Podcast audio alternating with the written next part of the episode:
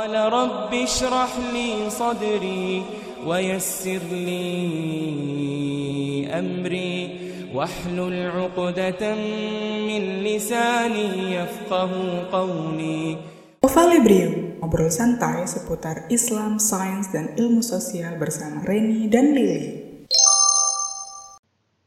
Assalamualaikum. Waalaikumsalam. Kamu pernah pengen jadi orang lain gak, Li? Pernah lah, aku sih pernah. Jujur aku pernah. Aku juga kok. Ngerasain ini gak sih? Kadang tuh kalau kita ngelihat orang lain terus kayak, oh dia bisa ngelakuin banyak hal yang aku ngerasa aku nggak bisa. Iya, susah. Terus kita jadi ngebayangin kalau kita jadi mereka, kita jadi bisa sebebas mereka dan kayak bisa mencapai potensi yang setinggi mereka gitu. iya. Itu gak sih? Berandai-andainya gitu. Ke sana. Iya, ngerasa kayak, eh kayaknya jadi dia enak. iya.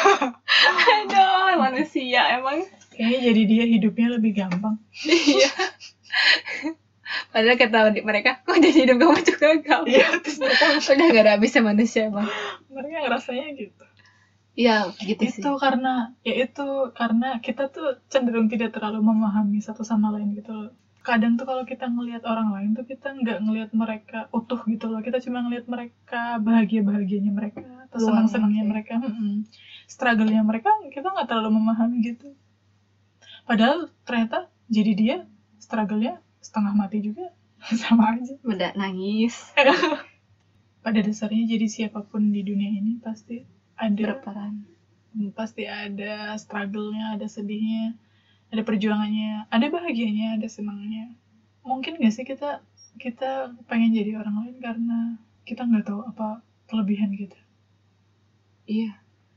Karena kita ngerasa nggak punya apa-apa. Bener sih, karena nggak tahu diri kita tuh seperti apa. Iya, kita tuh ngerasa siapalah kita harus. I'm nothing. iya kita ngerasa kayak kalau diriku tuh kayak gini tuh nggak ada apa-apanya gitu kayak harus jadi dia nih baru bisa ada baru bisa, apa-apanya uh, baru bisa ngelakuin, Rena berdua ya mikirnya baru bisa ngelakuin banyak hal gitu. ya. Heeh. Wah. padahal sebenarnya dasarnya adalah kayak kayak kemarin bilang ya menerima kelebihan dan mengakui kelemahan iya sadar dengan diri sendiri dulu berarti ya berarti sebenarnya itu kita pengen jadi orang lain karena kita nggak sadar dengan diri, diri sendiri ya Ren? Kita pengen jadi orang lain karena kita nggak mau jadi diri kita sendiri. Kita nggak mau jadi diri diri kita sendiri karena kita nggak menerima diri kita sendiri. Gitu. Ya nggak sih? Ya, kenapa kita butuh menerima diri sendiri kenapa kita harus menerima diri sendiri? Biar tenang biar nggak jadi pengen orang biar gak jadi pengen orang lain. Eh, eh. Karena ketika menerima apa ya? Karena kita seberapa pun kita pengen jadi orang lain kita tuh nggak akan pernah terwujud Ya, ya nggak sih kita tuh mau nggak mau terpaksa nggak terpaksa ya ini diri kamu. kita cuma bisa jadi diri diri, diri kita sendiri gitu loh. Iya. Ini dunia real bukan film yang kita bisa jiwa kita tertukar gitu. Iya. 49 days. Awal Ren. Itu nggak bisa kayak gitu. Itu cuma terjadi di film. Dan kita nggak punya pilihan lain selain menerima diri kita sendiri nggak sih? Iya. Jadi Jadi sekarang, kenali. ya jadi sekarang tuh bukan bukan ya? apakah apakah kita harus atau tidak.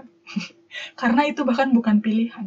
kita Iya. nggak punya pilihan lain jadi jadi ketika kita tahu bahwa kita nggak punya pilihan kita cuma bisa jadi diri kita sendiri terus sekarang gimana caranya biar kita bisa menerima diri kita sendiri Iya. Gimana caranya Kenal dengan diri sendiri. Karena ketika kita kenal akhirnya kita menerima. gimana cara kenalannya Eh, Bisa nggak ya? Bisa, sih. gimana Iya. cara kenalannya Halo gitu. Banyak sih caranya kalau yang aku baca kamu- sih. ya, halo aku Reni kamu siapa Apa? aku juga Reni. Pertama, kalau mungkin bisa minta bantu orang lain bisa, kalau emang belum bisa ya. Kalau hmm, pengalaman aku sih bisa minta bantu orang lain, tapi pasti orang lain yang ngejawab, cuman gak kamu yang bisa kenal itu. Ya udah. Tapi Iya, setidaknya, tapi setidaknya ada bantuan lah sedikit gitu kan. Kayak misal kita mungkin eh, diarahkan lah kayak misal kita kayak tes tes psikologis itu sebenarnya itu mengarahkan kita jadi kenal bisa salah satu Hah. alat Iya, ala jadi kayak kita jadi orang lain itu bukan karena kita akhirnya percaya itu enggak tapi kita akhirnya kenal oh kayak gini cok bener gak ya? Bahwa udah kita cocokkan tuh dengan realitas kita dalam kita dalam setiap melakukan pilihan. Ketika kita dihadapkan dalam situasi itu kita akan bersikap seperti apa? Itu akhirnya nanti akhirnya kenal oh iya ternyata kelebihan aku di sini.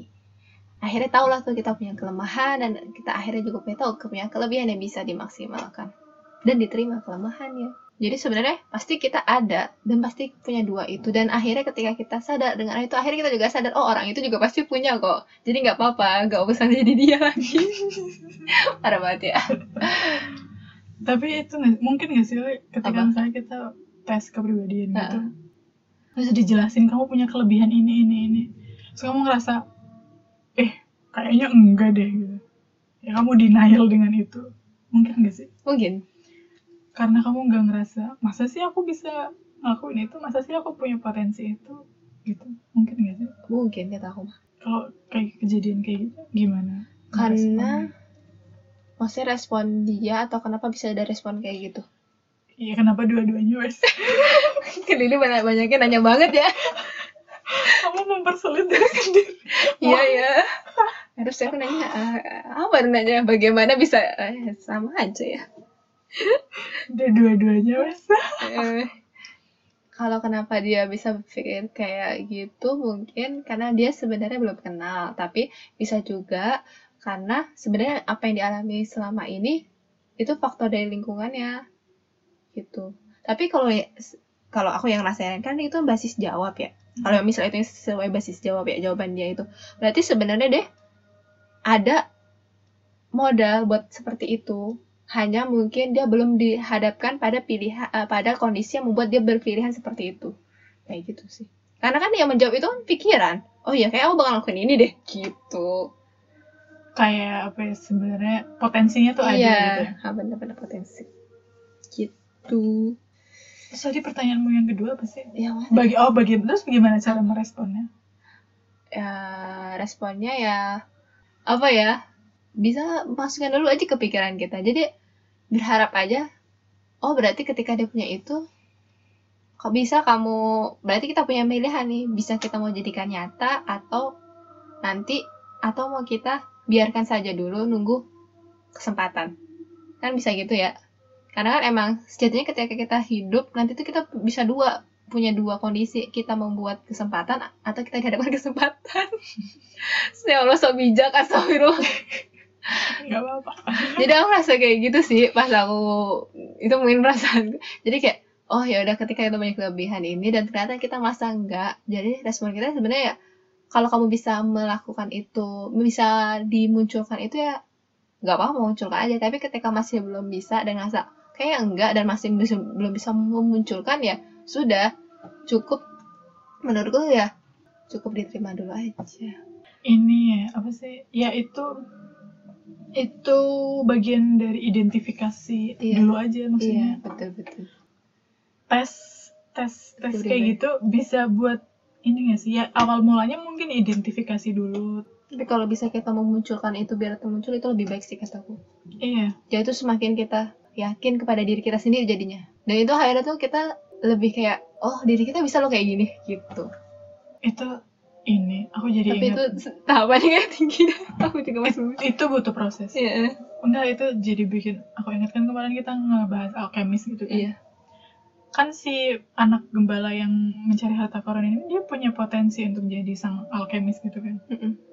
Tapi dia nggak akan pernah mewujudkan dirinya menjadi alkemis kalau dia tidak menempuh perjalanannya kan. iya prosesnya Jadi bisa jadi nih ketika kita tes psikologi itu kita dikasih tahu potensi kita kan. Tapi potensi ini tuh muncul atau bisa bisa dikembangkan itu nanti pas seiring berjalannya proses kehidupan kita nggak sih? Kita akan dihadapkan dengan suatu situasi situasi tertentu atau kita akan melalui suatu pembelajaran tertentu yang kemudian potensi ini tuh akhirnya lahir ke permukaan menjadi sesuatu hal yang bisa kita manfaatkan gitu nggak sih? Iya. butuh proses.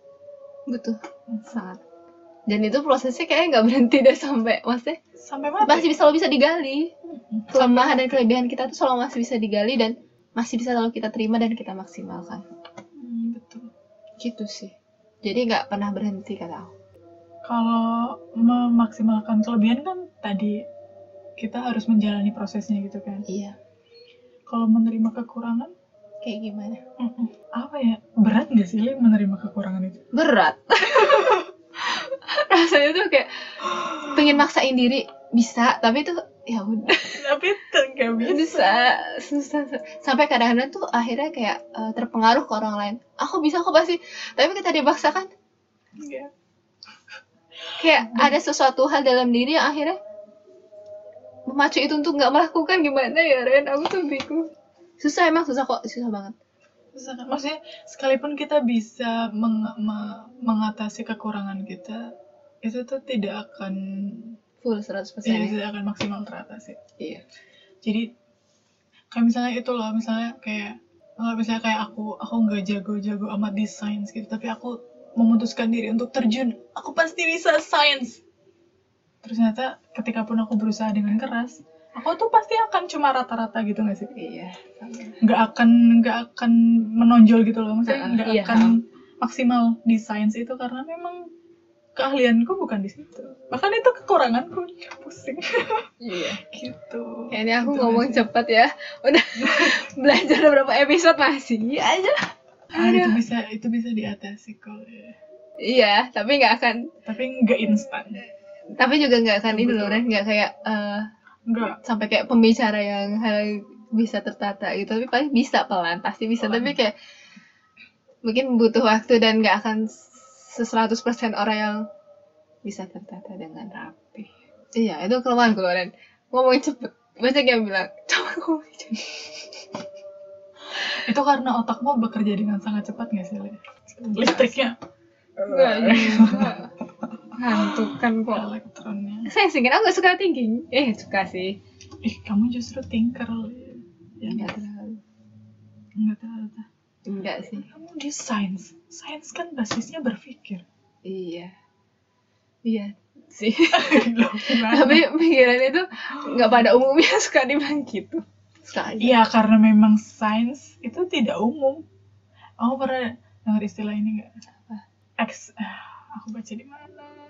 Eksperimen itu untuk melihat apa yang orang lain tadi lihat meli- untuk melihat apa yang orang lain lihat, tetapi dengan cara yang berbeda gitu loh.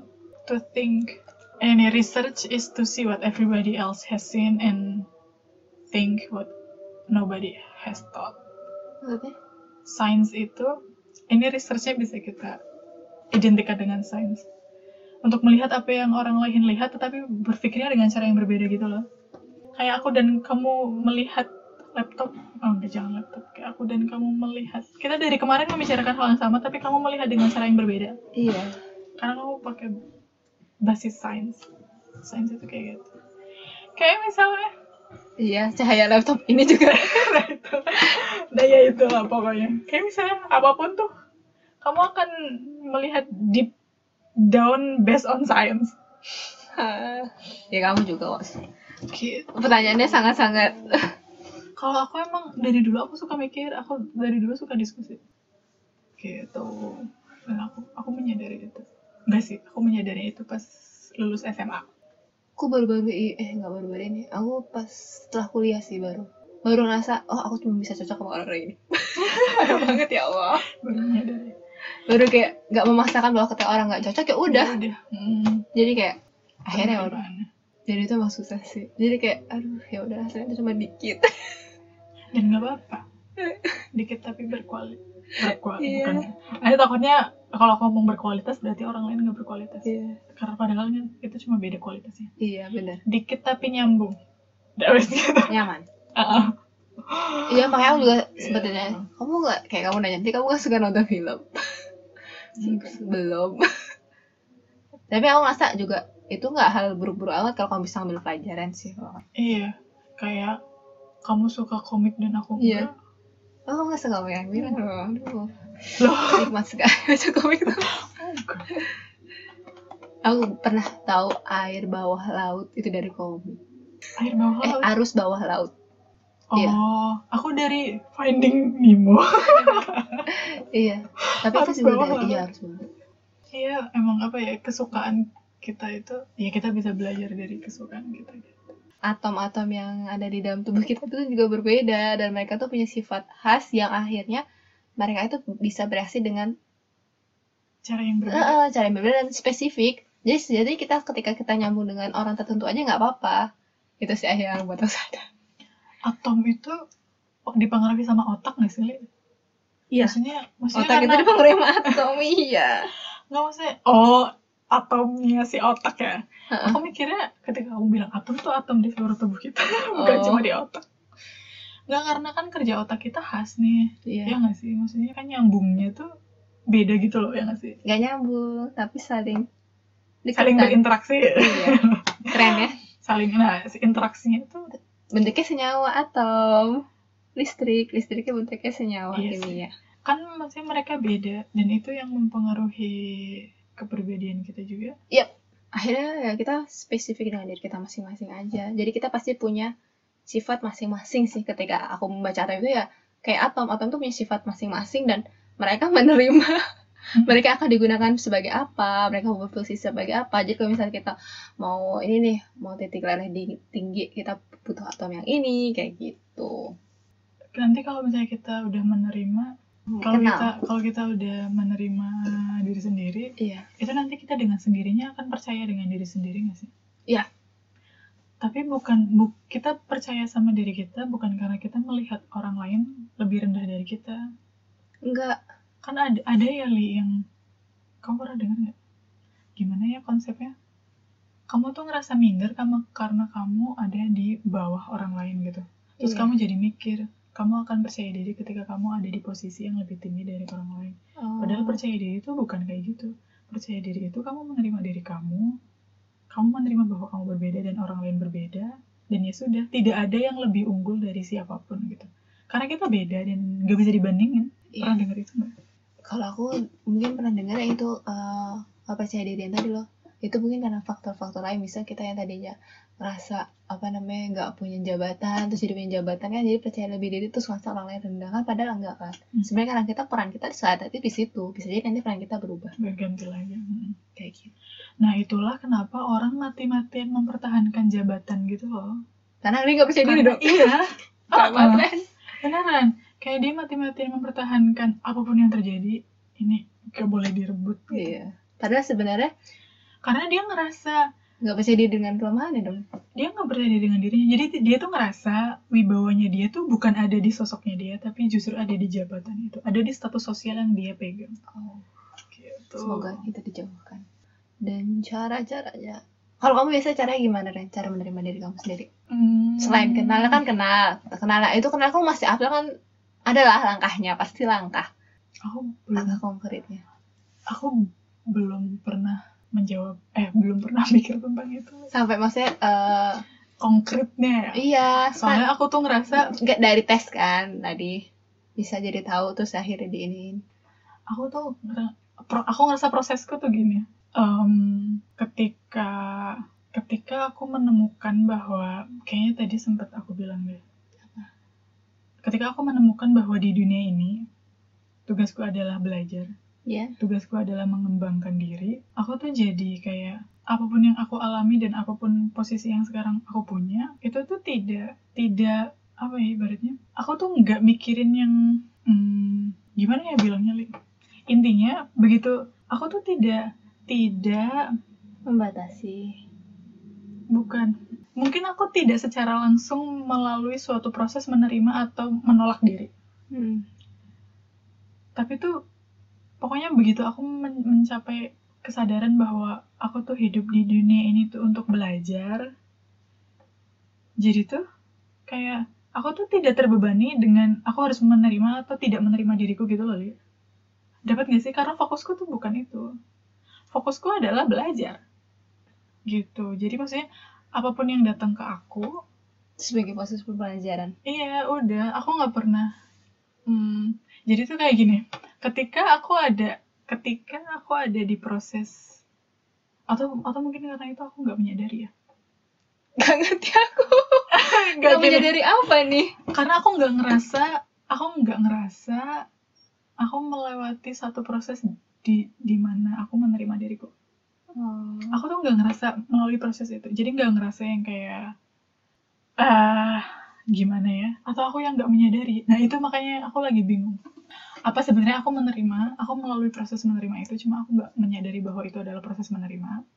Karena aku rasain kan kayak aku tuh struggle-nya bukan ke perbandingan. Aku sebenarnya mostly struggle-ku adalah untuk apa aku diciptakan. Hmm. karena jujur li ketika ketika Allah bilang kamu diciptakan untuk beribadah Ren ada sisiku yang aku nggak terima. Maksudnya beribadah doang. Seriusan. Kayak gitu terus ngapain turun ke dunia? Kayak gitu gitu maksudnya ada ada sisiku yang menuntut untuk di di breakdown lebih detail gitu loh. Hmm. gitu. Terus akhirnya pas tahun lalu aku baca eh, aku nonton YouTube salah se- seorang mualaf. Terus dia menjabarkan tentang apa hal yang bisa dicapai oleh seorang manusia di muka bumi ini. Terus aku jadi ngerasa oh gitu ya. Dan inti-inti dari kesim- kesimpulan dari mualaf ini adalah manusia itu di dunia untuk berkembang gitu. Jadi mungkin di situ aku nggak perlu melalui suatu kelebihan atau kekurangan gak sih? Hmm, karena memang struggleku tuh bukan Iya. ya mungkin aku struggle dengan perbandingan tapi sebenarnya aku lebih struggle ke tujuan penciptaan. Kayak aku segitunya berharap aku punya visi misi. Lebay ya. Aku segitunya berharap aku punya visi misi hidup gitu. Karena aku tuh ngerasa ibadah doang. Seriusan. Gitu.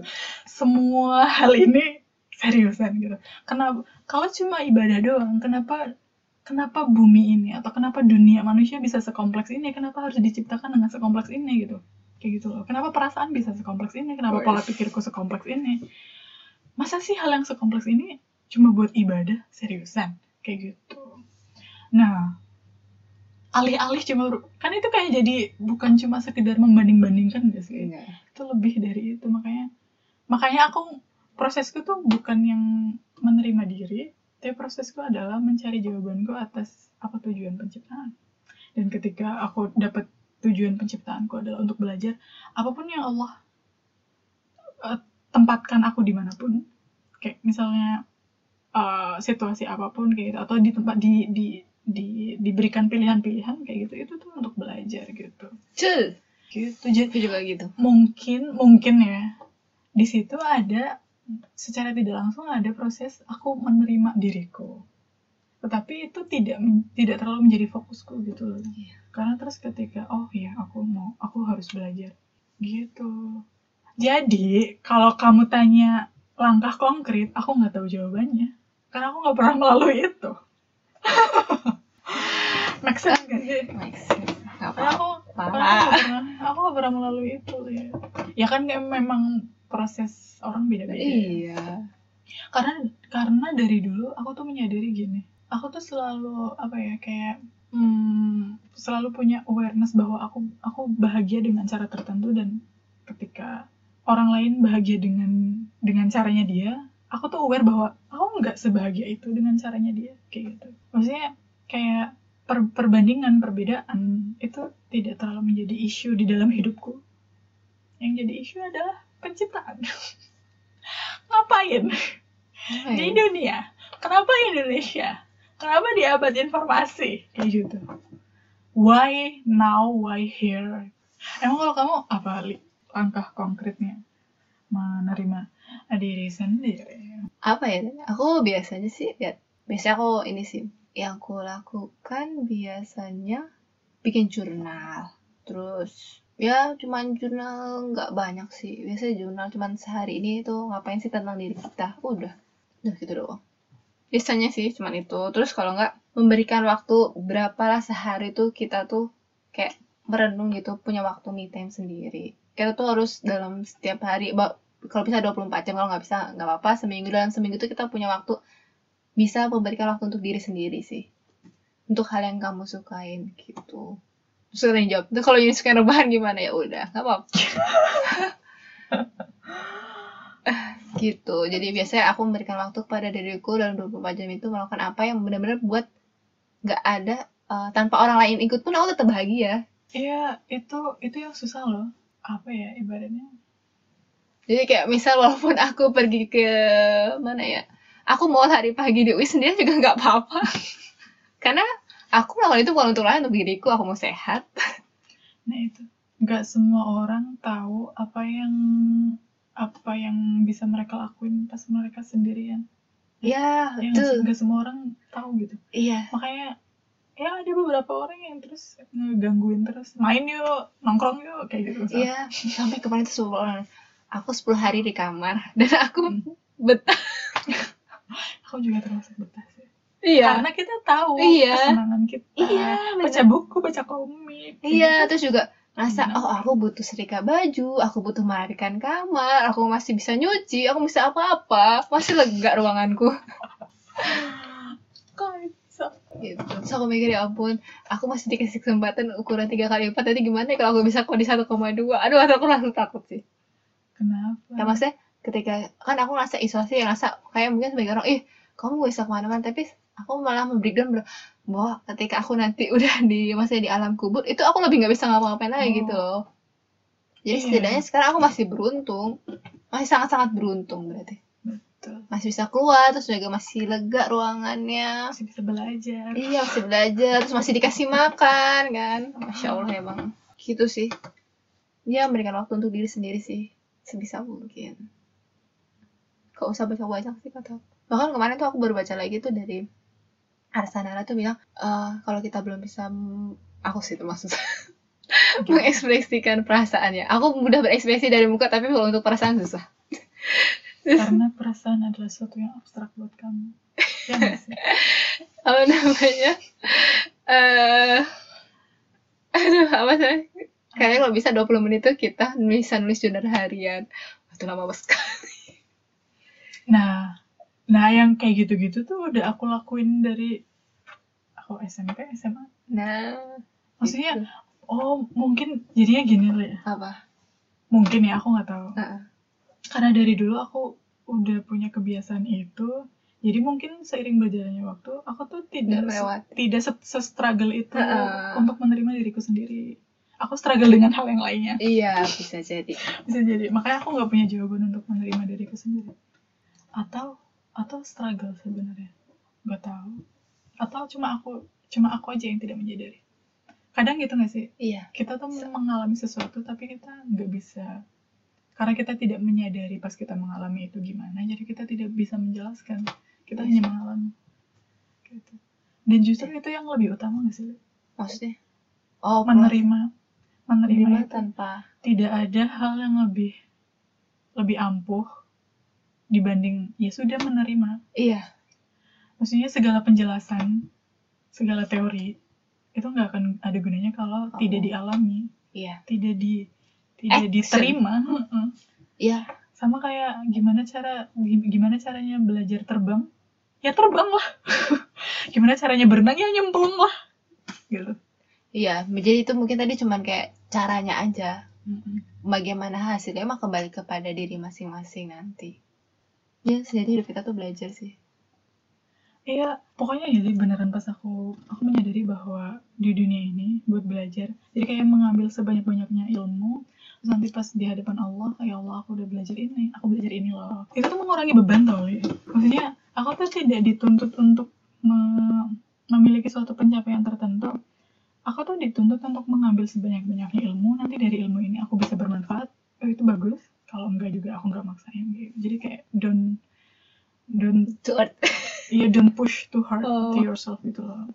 Mengalir aja outputnya. Kayak misalnya, kayak misalnya sekarang kita gini, kita nggak tahu nggak sih Covalibrium ini ke depannya akan mengarah ke mana gitu. Tapi kita menyadari bahwa sekarang dengan Covalibrium kita tuh bisa belajar, terus ternyata sambil kita belajar kita bisa bermanfaat. Iya. Gitu nggak sih? Jadi kayak itu beneran mengurangi pressure hidup. Kalau mindset kehidupan adalah untuk belajar belajar iya. mengambil sebanyak-banyaknya ilmu terus nanti dari ilmu itu pembelajaran sih setiap aku kok kondisi bisa ya jadi dari ilmu itu. Oh aku bisa nih memecahkan suatu masalah aku punya ilmunya. Ini caranya. Kayak gitu. Gitu sih. Itu beneran kayak kamu nggak perlu lagi mikirin untuk kamu punya kelebihan atau enggak. Dengan sendirinya ketika kamu ketika kamu berilmu kamu akan menemukan hal yang bisa jadi eh, ya hal yang bisa bermanfaat di diri kamu lewat ilmu itu. Itu nggak sih? Itu beneran kayak membreakdown mindset. Pencapaian lah. Status lah. Target-target lah. Kayak gitu. Iya, aku juga gitu. Soalnya aku bahkan nanya setiap bulan ya ngerasa kok aku gak bisa nyampe ini ya udah gak apa-apa. Penting belajar ya sumpah aku rasa kok diriku setiap Iya. bulan tuh kayak ya udah gak apa-apa. Jadi tuh walaupun orang lain mau nge- mau ngepost dia udah bisa apa ya udah biarin. Iya. Ya udah nggak pernah gitu loh orang ketika orang yang ngepost apa aku pun harus ikut enggak aku sih udah iya sama sih udah ngetap semua pembelajaran gitu nggak sih maksudnya dari mindset semua Iya. pembelajaran kita tuh nggak perlu struggle untuk menerima atau Enggak. menolak terus gitu. kayak tenang Eh, eh. sampai kata orang tuh ya udah aneh bahkan sampai kata orang kok sesantai itu Heeh. hidupnya santai itu ya karena memang hidup tidak dituntut apa-apa Allah tuh cuma minta kita beribadah nah nah yang tadinya aku meminta untuk didetailkan di Eh. breakdown terus kan akhirnya ya kamu di sini belajar aja oke aku akan nurut dan belajar gitu sampai nanti balik lagi ke Allah iya Baik, setiap kejadian apa pun sebenarnya untuk belajar sih. Mm-mm. Tapi ya itu mungkin proses kita dapat pembelajaran itu menurut aku nggak gampang kok. Ren. Nggak gampang Harus butuh gampang ada beberapa waktu yang membuat akhirnya kita tuh kayak berpikir lama banget. Banget. Kayak menghubungkan sebab dan akibat. Kayak aku ya contoh aku tuh dapat lingkungan kayak ini tuh ngerasa wow aku harus kehilangan orang tua dulu. Kayak ini dulu. Pas isolasi ya ampun. Oh jadi gini. Itu langkah konkret menerima diri sendiri. Mengubah mindset bahwa kita di dunia belajar. Iya. apa pun itu Allah pengen kita selalu mengambil hikmah sih. Iya karena manusia itu manusia tuh keren banget loh Li. banget. Kata kamu water space. Iya sih keren kok emang. Aku belajar biologi tuh berasa ya ampun betapa kerennya kita maksudnya aliran darah di tangan dan lain sebagainya. Makanya waktu aku nggak punya apa-apa tuh aku tuh merasa keren. Iya. parah banget ya. Karena gak punya kerjaan gak punya duit? Tapi kita keren. Kita diciptakan sama Allah. Iya beneran. Kayak wah ternyata otakku bisa sekeren ini ya. Jadi walaupun orang mau ngatain mau bilang salah. Mau bilang kayak ih emang kamu nggak? Ini apa nggak nggak ada pressure apa nggak punya kerjaan lah masih ini padahal masih mau apa apa gitu. Tapi kayak orang lain malah yang sibuk. Iya. Ini urusin kita. Banget kita Sebenarnya aku yang aku maksud keren itu salah satunya juga adalah karena manusia itu se se se ekstrim apa pun dia di- ditempatkan di suatu Kondisi. situasi dia tuh bisa mengambil hal yang positif. Iya. selama mindsetnya benar. Kayak misalnya pas Hmm. Dari yang pas dulu em, Nabi Adam pertama kali diturunkan. Kan dia dia dia punya main- mindset yang sangat luar biasa mindset pembelajarannya. Iya. mindset seorang pembelajar itu dia banget. Dia belajar untuk minta maaf. Itu pertama Iya. kalinya loh dia minta maaf. Kalau misalnya dia nggak belajar dari situ dia tuh bisa bisa loh dia meresponnya kayak iblis. Kan iblis waktu waktu Allah menurunkan iblis ke, ke- keluar dari surga iblis menyalahkan Allah kan Iya. engkau menyesatkanku gitu ketika Nabi Adam diturunkan bisa loh Nabi Adam bilang kayak gitu ya nggak sih tapi Nabi Adam memilih untuk mengambil hal yang positif dari kejadian itu itu kerennya Hmm. manusia itu ketika Iya. dia bisa mengambil Iya. hal yang positif dari hal yang sebenarnya sangat sangat sangat menyakitkan atau sangat Iya, sangat berdarah-darah Bener. gitu. ya kemarin aku nangis aduh tapi kayak ya udah Allah udah kasih lebih baik nah itu mindset mindset seorang pembelajar itu ya aduh tapi air mata dulu. Rasanya tuh kayak habis itu ngerasa berdosa banget emang sumpah. Rasanya tuh kayak aku ngerasa berdosa aja. Salah ngerasa salah. Udah mikir yang udah berprasangka Heeh. aneh-aneh ngerasa salah banget. Tapi Iya. padahal Allah udah kasih sangat-sangat baik. Dan sangat emang udah ternyata banyak gitu loh aku yang nggak sadar.